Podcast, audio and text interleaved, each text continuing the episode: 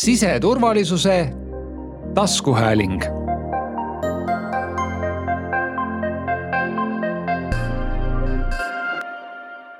tere taas kuulamast siseturvalisuse taskuhäälingut. täna räägime välisinvesteeringutest ja nende usaldusväärsuse hindamisest. meil on laua taga kaks eksperti. siseministeeriumi julgeolekupoliitika ekspert Silvester Soo. tervist! Majandus- ja Kommunikatsiooniministeeriumi välisinvesteeringute nõunik Natalja Rüütel. tere! ma arvan, et me ei viida palju aega, läheme kohe teema kallale, sest äh, välisinvesteeringud on, äh, on see, millest me ei ole siin podcastis varem rääkinud. seega küsimus kohe teile, miks meil on välisinvesteeringuid äh, vaja hinnata ja, ja kuidas me siia selle teemani täna jõudnud oleme? see on üks tuumküsimus, miks me seda teeme, aitäh! ma alustaks natuke kaugemalt, et et meie eesmärk on, on kaitsta Eesti julgeolekut ja me saame aru, et, et meie julgeolekut ohustatakse äh, erinevaid äh, meetodeid kasutades. et võib-olla inimestele, äh, tavauudiste vaatajatel on kõige tavalisem arusaam, et, et kui rünnatakse, et siis kahurite ja tankidega. aga, aga niisuguses arenenud moodsas maailmas on, on see teise riigi ründamine või, või meie julgeoleku ohustamine palju äh, mitmekülgsem ja, ja praegu on käibel selline termin nagu, et äh, kasutades hübriidseid meetodeid ja, ja läbi majanduse, äh, läbi investeeringute on, on üks võimalus, kuidas teise riigi julgeolekut või iseseisvust kahjustada. et ma tooks ühe sellise nagu näite meie viimase Ukraina sõja taustal, mida on ka meedias varem nagu räägitud, et äh, sõja esimestel päevadel äh, Vene vägi nägi hästi palju vaeva, et äh, siis oma pommituslendudega halvata Ukraina elutähtsad teenused. eesmärk panna siis riik sellisesse olukorda, kus ta loobuks vastupanust. me oleme aru saanud, et seda olukorda saab saavutada ka teistmoodi, ilma relvasid kasutamata ehk et kui näiteks äh, meie elutähtsad teenused on teise riigi kontrolli all ja seda kontrolli saab saavutada näiteks nende ettevõtete äraostmise teel, siis põhimõtteliselt on võimalik saavutada sama eesmärk ilma äh, vägivalda kasutamata. Ehk et kui näiteks meie elektrijaam või elektrivõrk oleks äh, sellesama agressori kontrolli all, siis tema võimuses on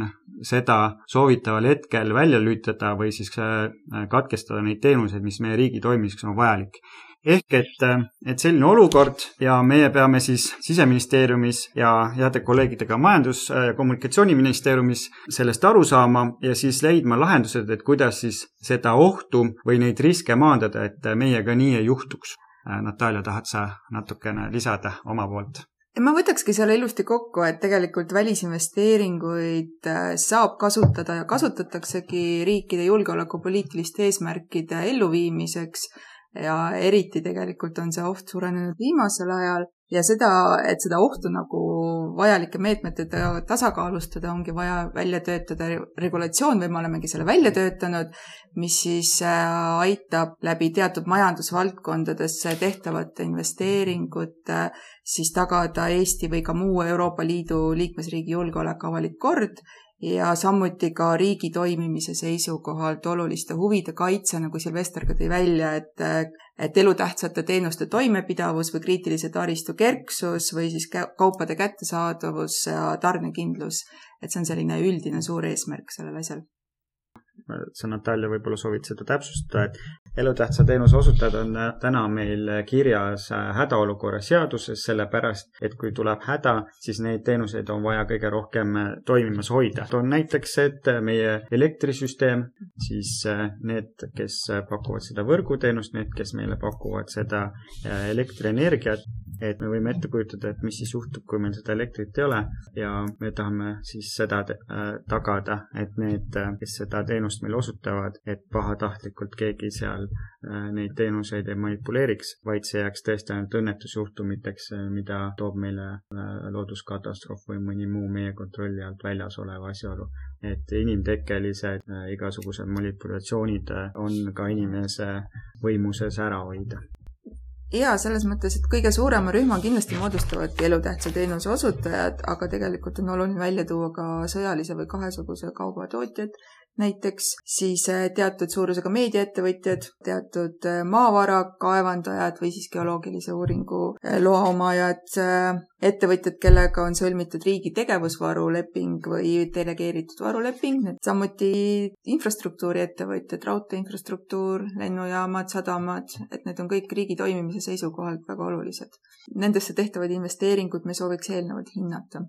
ja äh, võib-olla elulise näite toon, et me teeme ka siin osaliselt meediat, et äh, me näeme ju, äh, kui suure osa sellest agressori nii-öelda tegevusest moodustab see propaganda. Mhm. ja me võime ette kujutada, kui Eestis oleks suuremahulised uudistemajad ja meediaettevõtted, kes siis toodaksid seda meie vastase propagandat, et meie ühiskonda lõhestada ja lõhkuda et me oleme siiamaani kõik teinud, et neid, mis on, piirata sellesama Tarbija Tehnilise Kaitse Ameti poolt ja ka Euroopa poolt on sanktsioonidega nende tegevust piiratud, et me võime ette kujutada, et mis siis saab, kui oleksid sellised äh, propagandakanalid siin Eestimaa peal toimetamas. ja seda nii-öelda suunda kasutavad kindlasti needsamad Hiina ja Venemaa väga, väga agressiivselt täna ju teame, et, et see nii-öelda õige ja väära eristamine aina keerulisemaks läheb tavainimese jaoks, et äh, siin kindlasti riik saab teha seda, et äh, näidata suunda, et mis on usaldusväärne ja mis mitte ma saan aru, et meil on vaja igasuguseks äh, analüüsiks ja andmete kontrolliks, äh, kogumiseks äh, ikkagi seaduslikku alust. meil on praegu ette valmistatud eelnõu, mis siis selle võimaluse annaks. kuidas see protsess käima hakkab, et kui meil on välisinvestor, kes tahab Eestis midagi rahastada, kuskile panustada, kuidas me siis saame kindlad olla, et see investor on usaldusväärne ja ei mõjuta meie julgeolekut? Selleks ongi ette nähtud äh, loamenetlus, kui äh, investeering puudutab teatud valdkondas tegutsevaid ettevõtjaid, ehk siis näiteks elutähtsa teenuse osutajad või siis riigi osalusega äriühingud, siis välisinvestor peab enne, kui ta selle tehingu lõpule viib, peab taotlema luba. Ja see loamenetlus käib sellisel viisil, et äh, dokumendid esitatakse Tarbijakaitse ja Tehnilise Järelevalve Ametile, kes need edastab siis Välisinvesteeringu Komisjonile. Ja Välisinvesteeringu Komisjoni kuuluvad siis erinevate ministeeriumite julgeolekuasutuste esindajad, kes siis äh, hindavad seda olukorda, vaatavad selle välisinvesteeringu mõju ja, ja peavad andma kooskõlastuse. Ja selle kooskõlastuse alusel siis Tarbijakaitse ja Tehnilise Järelevalve Amet kas siis annab sellele välisinvesteeringule loa või, või siis kui kooskõlastust ei anta, siis jäetakse luba välja andmata. Aga on ka variant, et see luba antakse siis kõrvaltingimusega, äh, mis tähendab seda, et kui on mingid ohud, mida saab äh, teatud meetmetega kõrvaldada, siis need pannakse sinna otsusesse juurde.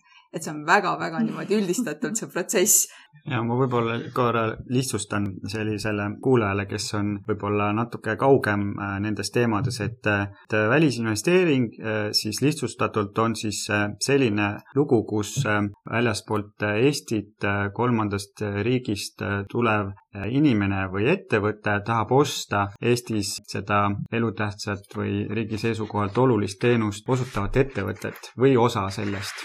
Et, et see on selline lihtne vaade ja meie siis äh, vaatame see, kes nii-öelda uus omanik tuleb, et tema oleks meile usaldusväärne ja et need teenused, mis meie elanikele vajalikud on, et need ka jätkuksid no keda see puudutama hakkab, kas see hakkab puudutama ainult äh, neid investoreid, kes äh, tahaks neid meie mõistes elutähtsaid äh, näiteks objekte omandama hakata või, või on siin mingisugune kindel määratlus, kuidas neid investoreid eristatakse?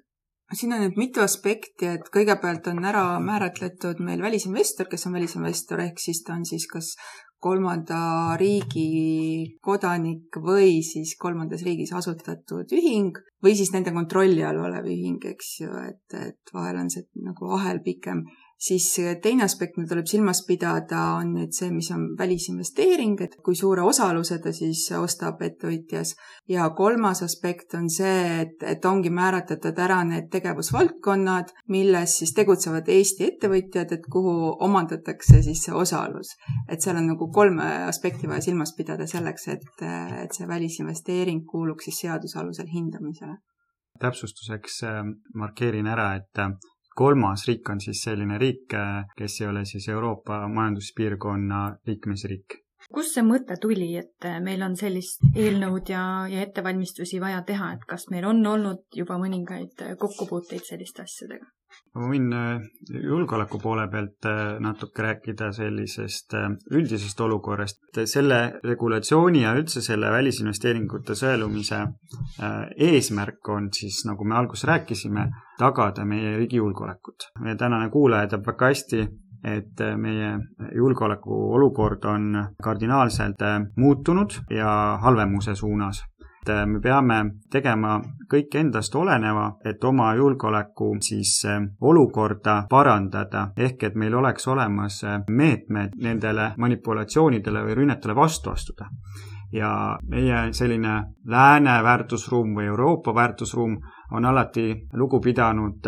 sellistest demokraatia põhimõtetest nagu vaba turg, kus äh, turg reguleerib äh, seda, mis äh, toimub ja et vaba kapitali liikumine, vaba inimeste liikumine, et selline positiivne vaade, aga nagu igal korral on plussid-miinused, siis, siis ka sellel korral on plussid ja, ja miinuse pool on see, et kui meie mängime nende reeglite järgi, mida me oleme kokku leppinud, siis on olemas maailmas sellised riigid, kes elavad teiste väärtuste järgi ja proovivad neid samu väärtusi kehtestada et äh, probleem äh, tekib siis, kui need vastanduvad meile, ehk et, et seesama Vene-Ukraina sõda näitab väga selgelt seda, et äh, ühed austavad ühtesid põhimõtteid, teised teisi. Ja tulles nüüd lähemale sellele välisinvesteeringute loole, siis, siis see viis, et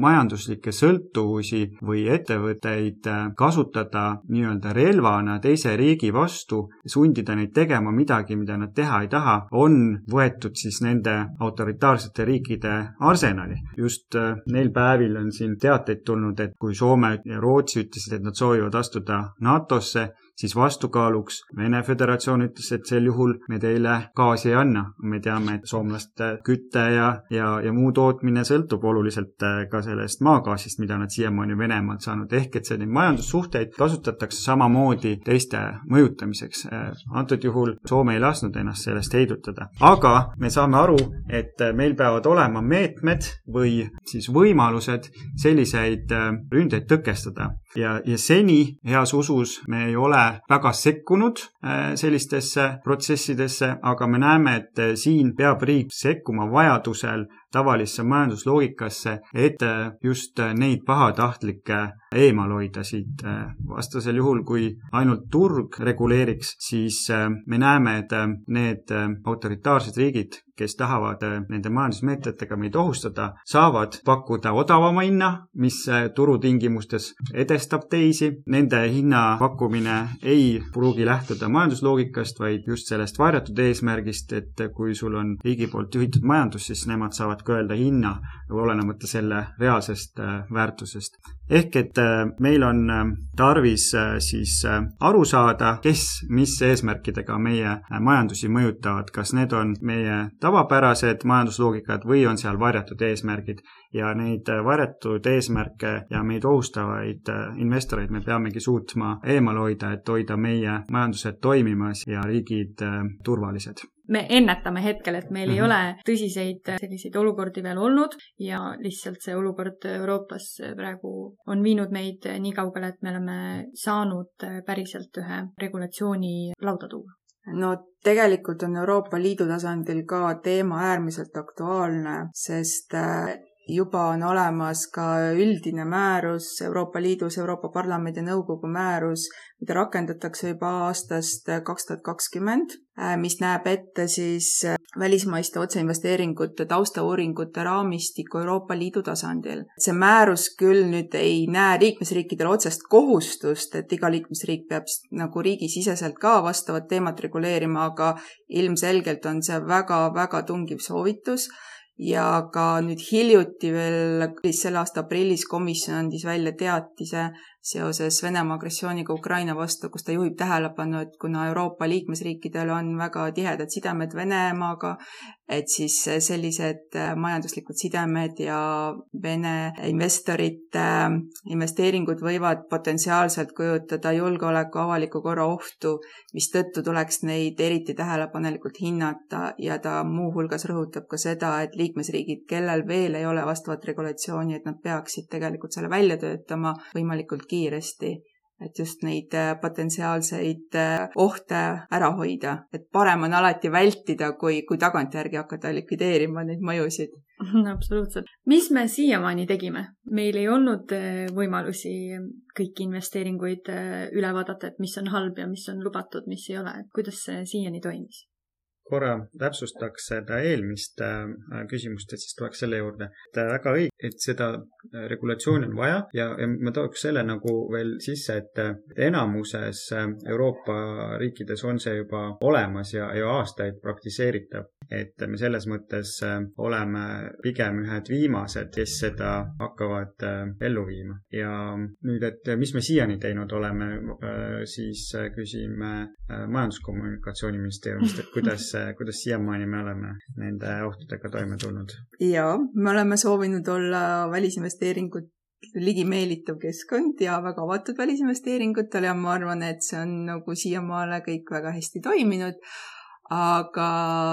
jah, nende ohtudega ilmselt ma arvan, et meie julgeolekuasutused on tegelikult ka tegelenud, et, et me ei saa öelda, et mitte midagi ei ole toimunud. lihtsalt äh, teistel alustel, et see regulatsioon on nüüd tegelikult vajalik selleks, et seda kogu protsessi nagu ikkagi natuke läbipaistvamaks ja selgemaks teha ja et äh, potentsiaalsed välisinvestorid teaksid ette, mis neid ootab. ja jah, võib-olla ma täpsustaks jah, et see oli sul hea mõte, et rääkida võib-olla teistest liikmesriikidest ka, et kahekümne seitsmest Euroopa Liidu Liidu liikmesriigist, siis kaheksateistkümnes on juba vastav äh, seadus olemas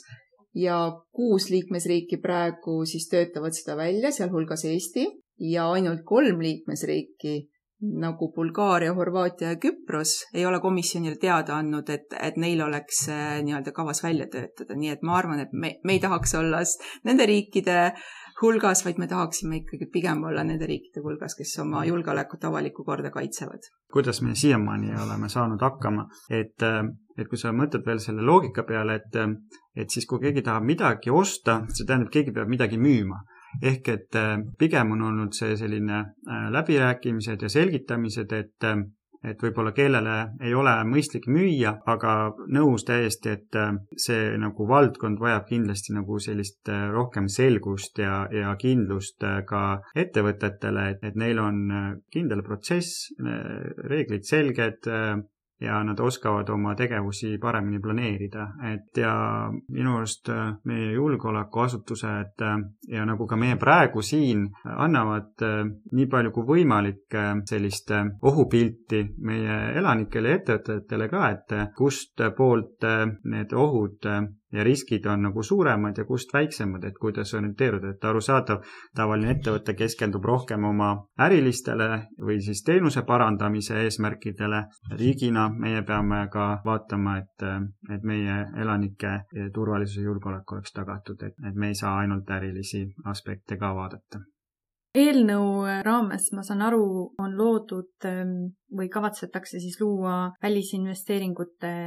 komisjon, kes äh, hakkab siis äh, koos äh, Tarbijakaitse ja Tehnilise Järelevalve Ametiga hindama, mis võiks olla sobilik, mis mitte, kelle investeeringud on siis läbipaistvad ja, ja kust, kes need päris kasusaajad võiksid olla ma näen siit nimekirjast näiteks Justiitsministeerium, Kaitseministeerium, Majandus-Kommunikatsiooniministeerium, Rahandusministeerium, Siseministeerium, Välisministeerium, Kaitsepolitseiamet, Politsei-Piirivalveamet, Rahapesu Andmebüroo ja nii edasi, et see on väga suur äh, loetelu, kas on äh, juba välja mõeldud, kuidas päriselt äh, see toimima hakkab, et kui on nii paljusid ametkondi ja ministeeriumeid puudutavad teemad, et kas see protsess läheb väga pikaks, on siin äh, mingisugune ajaraam, kui äh, kiirelt need otsused lubatakse siis väljastada? ajaraam on meil paika pandud loomulikult, seaduses on meil tähtajad, mis aja jooksul tuleb siis äh, kas siis luba anda või siis loa andmisest keelduda. et see üldine nii-öelda see esimene etapp kestab kolmkümmend päeva mida võib siis pikendada üheksakümne päeva võrra ja, ja täiendavalt, kui on vaja, siis läbi rääkida loa kõrvaltingimuste üle, siis veel kuuskümmend päeva, et tegelikult on see väga kindel ajaraam, et seda venitada ühes suunas või teises suunas ei saa. et see on samamoodi nagu jällegi selle menetluse ettenähtavuse ja, ja ütleme, et selle tulemuslikkuse jaoks ja nagu te juhtisite tähelepanu ja et äh, Välisinvesteeringu komisjoni kuuluvad väga paljud ministeeriumite ja valitsusasutuste ja julgeolekuasutuste esindajad. see on täpselt selleks, et tuua nagu kõige parem ekspertiis ja teadmised kokku ja, ja et ütleme, et see ohuhinnang, mida siis tehakse nende hinnatavate investeeringute puhul, oleks võimalikult mitmekülgne. ka teiste liikmesriikide praktikast võib välja tuua, et, et selliseid nõuandvaid või, või ütleme, kooskõlastuse andvaid või ka otsustavaid kogusid kasutatakse just selle tõttu, et see valdkond on hästi mitmekülgne ja keeruline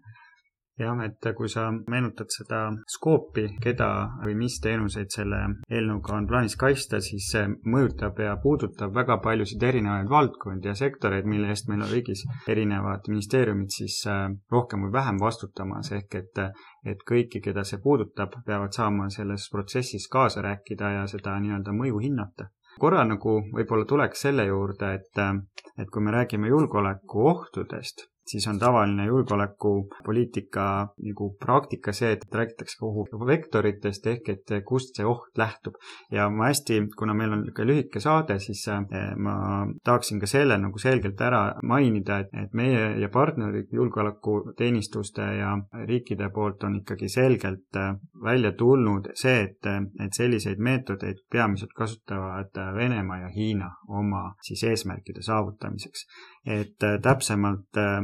on kindlasti sellest kirjutatud äh, Kaitsepolitsei ja Välisluureameti aastaraportites, soovitan lugeda neid peatükke, kus räägitakse majandusjulgeolekust Hiinast ja Venemaast ja seal saate kindlasti detaile ja fakte, millel need järeldused tuginevad. et, et see on meie tänane peamine nagu suund, aga maailm on pidevas muutumises ja me ei saa selles mõttes välistada, et, et need ohuvektorid võivad muutuda, ja ilmselt ka muutuvad aja jooksul, et tänases päevas me räägime sellisest äh, olukorrast kas meil on teada ka, kui palju see kõik meile maksma võiks minna? kas keegi on arvutanud rahasse selle asja ümber panna? kui me hakkame iga taotlust, iga investorit vaatama siin äh, kolm kuud, teda menetleme, uurime, et noh, see on hästi suur ressurss, mis kõik sinna alla pannakse, et kas see tuleb millegi arvelt, kas me hindame mingisugused äh, sisemised äh, ressursid ümber või on sellele mingi rahalepik ka külge pandud juba? Natalja võib rääkida täpsemalt, et iga eelnõu äh, protsessi osa on, on selle kulude osa, et äh, selle mõjude hindamisel, et mis see nagu kaasa toob. ma korra täpsustaks seda, et siin nüüd just kulude poole pealt tuleb uuesti meelde tuletada, et äh, keda see puudutab ehk et see puudutab kolmandate riikide investoreid, ettevõtteid, isikuid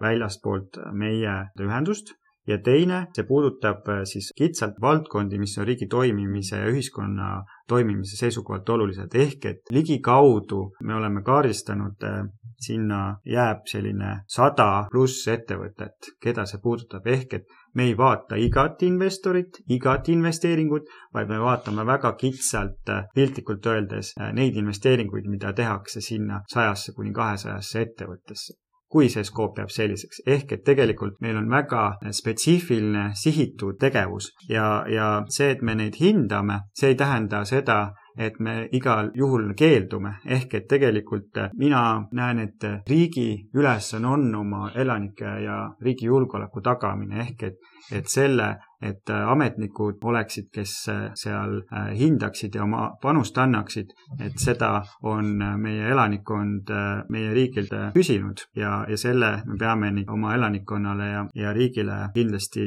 pakkuma, selle turvalisuse ja julgeoleku. nüüd, mis puudutab ettevõtteid, siis ettevõtete kulu ilmselt tuleb seoses sellega, et neil on vaja esitada taotlusi ehk et tõenäoliselt õigusabikulud, et, et kolmanda riigi ettevõtetele, kes ei ole tuttavad meie majanduskeskkonnaga, on, on vaja kindlasti õiguslikku abi, aga ma ütleksin seda, et üks investor, kes tuleb Eestisse või Euroopasse, nagunii peab äh, võtma endale õigusnõunikke ja muid eksperte abiks, kes aitavad siin keskkonnas äh, orienteeruda ja, ja, ja aru saada, mis äh, reeglid siin kehtivad, et lisaks meie plaanitavale välisinvesteeringute sõelumisele on ka muid kohustusi, mida siin tuleb täita, erinevad litsentsimenetlused, Natalja võib rääkida konkurentsiõigusest, et, et see ei ole ainus regulatsioon, mida nad peavad järgima, noh, alates kas või viisast ja elamisloast, et äh, kui inimene soovib siia tulla, on ju. et, äh, et ma ütleks, et see on üks äh, nendest kuludest, mis tuleb teha, kui, kui soovitakse siin toimida, aga ma ei näe, et see oleks selline kolossaalne, mis nagu oleks takistuseks, et Tartu Ülikooli ja, ja õigusbüroo Sorainen poolt tehtud ka mahukas paks mõjude hindamine, kus on hinnatud erinevaid aspekte ja, ja hinnatud ka seda, et et kuidas selline regulatsioon võib äh, meie välisinvestorit mõjutada. Ja, ja nii selles uuringus kui ka erinevates äh, välisinvestorit puudutavates mõttekodades on ikkagi jäänud kõlama see, et, et peamised mured investoril on ikkagi seoses äh, selle siin plaanitava tegevusega. Ehk et kust ta saab tööjõu, kust saab oma ettevõtte siis hooneid või tegevusi rajada ehk et igast keskkonnanõuded ja muud, et, et see on tema põhiline põhi nagu mure, et see, et tema usaldusväärsust hinnatakse, et seda on hinnatud, et see isegi ei mahu sinna tema top kümme murede hulka, et selles mõttes. Ja, ja ma ütleks, et tegelikult ka välisinvestorile peaks see andma kindlust, et see, kuhu ta oma investeeringu teeb, et seal riigis läheb see riigile korda, et see majandus oleks selline läbipaistev ja turvaline, et sellega seoses on ka tema investeering paremini kaitstud võrdlusena sellesse keskkonda, kus ei ole neid regulatsioone, kus riik ei panusta selle oma majanduse käekäiku ja kus on, on palju suurem selline risk tema investeeringule samamoodi, et ma näen, et päeva lõpuks siit tegelikult kõik osapooled võidavad et meil oli see teadlik valik, et me soovisimegi, ütleme, selle kohaldusala majandussektorid või tegevusalad võimalikult täpselt ära piiritleda, et meil oleks see kontroll sihitud, kõige tähtsamad valdkonnad, eks ju, meie jaoks. Ja, ja esialgu me ei, ei näe ette, et, et see tooks loamenetluste laviini, pigem me näeme, et, et neid juhtumite arv võiks olla paarikümne ringis, mitte rohkem aastas et ma arvan, et selle me jõuame kenasti ära menetleda. Ja tegelikult äh, nagu ka Silvester ütles, et äh, et tänapäeval kõik need majanduslikud sidemed ja suhted on väga, väga siuksed nagu läbi põimunud, et äh, see Euroopa määrus, mis loob nagu ka koostöökorra liikmesriikide vahel, et, et selle rakendamisega on näha tegelikult, et mitmetest investeeringutest teatatakse mitmesse liikmesriiki, ehk siis need tegelikult avaldavad mõju mitmes liikmesriigis ja, ja need on sellised suured tehingud. ma arvan, et äh, välisinvestorid saavad kenasti selle loa taotlemisega hakkama, et neile peaks peaks valmistama muret, seda enam, et meie kõikides naaberriikides tegelikult see loamenetlus on olemas ka juba. et me selles mõttes oma olukorda kuidagi ei halvenda või, või kuidagi mingit täiendavat halduskoormust olulist ei, ei suurenda ehk siis me ei pea kartma, et välisinvestorid nüüd äh, kuidagi selle tõttu oma investeeringutest loobuma hakkavad? Äh, mina väga loodan, et, äh, et need välisinvestorid, kes tahavad Eestit ohustada, nüüd selle seaduse tagajärjel hoiavad siit eemale no siis on hästi, et meil ikkagi majandusjulgeoleku peale mõeldakse ja sammud ette ka tehakse. kas te tahate omalt poolt veel lõpetuseks midagi öelda? Ja ma võib-olla ütleks seda, et, et see, et Eesti asub sellise koha peal, seda me muuta ei saa. mida me saame teha, on, on endast olenev, et meie riiki ja meie ühiskonda kaitsta. Ja, ja seda me peame kõik ühiselt tegema, et siin ei saa riiki üksinda seda saavutada, et, et me peame kõik koos tegema seda nii riigiasutused kui ettevõtted kui, kui inimesed, kes siin toimetavad, et ainult siis me suudame oma iseseisvust ja ja, ja riiki hoida loodetavasti sadu ja tuhandeid aastaid. Ma olen täiesti nõus Silvestriga, et selles mõttes, et äh, eelnõu eesmärk kindlasti ei ole seada põhjendamatuid piiranguid või, või mingeid sektoreid kuidagi kitsendada, vaid, vaid vastupidi, et äh, see, et suurem eesmärk on ikkagi just selle majandusliku surve ja geopoliitilise surve võib-olla vähendamine, ärahoidmine nii palju kui võimalik aitäh, Silvester ja Natalja, et te tulite teemat äh, avama. Äh, ma loodan, et meie kuulajad said natukene targemaks ja kui õige pea näevad siin äh, meedias ka majandusjulgeoleku teemalisi artikleid, siis on juba tuttav teema. ma võib-olla isegi ühe viite teeksin veel, et välisinvesteeringutega seotud teemadest plaanime rääkida ka meie Arvamusfestivalil augustikuus, aga sel korral juba veidi pikemalt, siis erinevate osapoolte kaasabil, kus me loodame loodame, et oma vaate annavad ka välisinvesteeringute riiki toomisega tegelevad äh, asutused ja, ja politsei ja muud äh, osapooled, kellel võimalust ja aega, tulge kuulama, küsima, äh, kellel tekkis mõtteid ja kohtume seal. ja kohtume siis augustis Paides Arvamusfestivalil. siseturvalisuse taskuhääling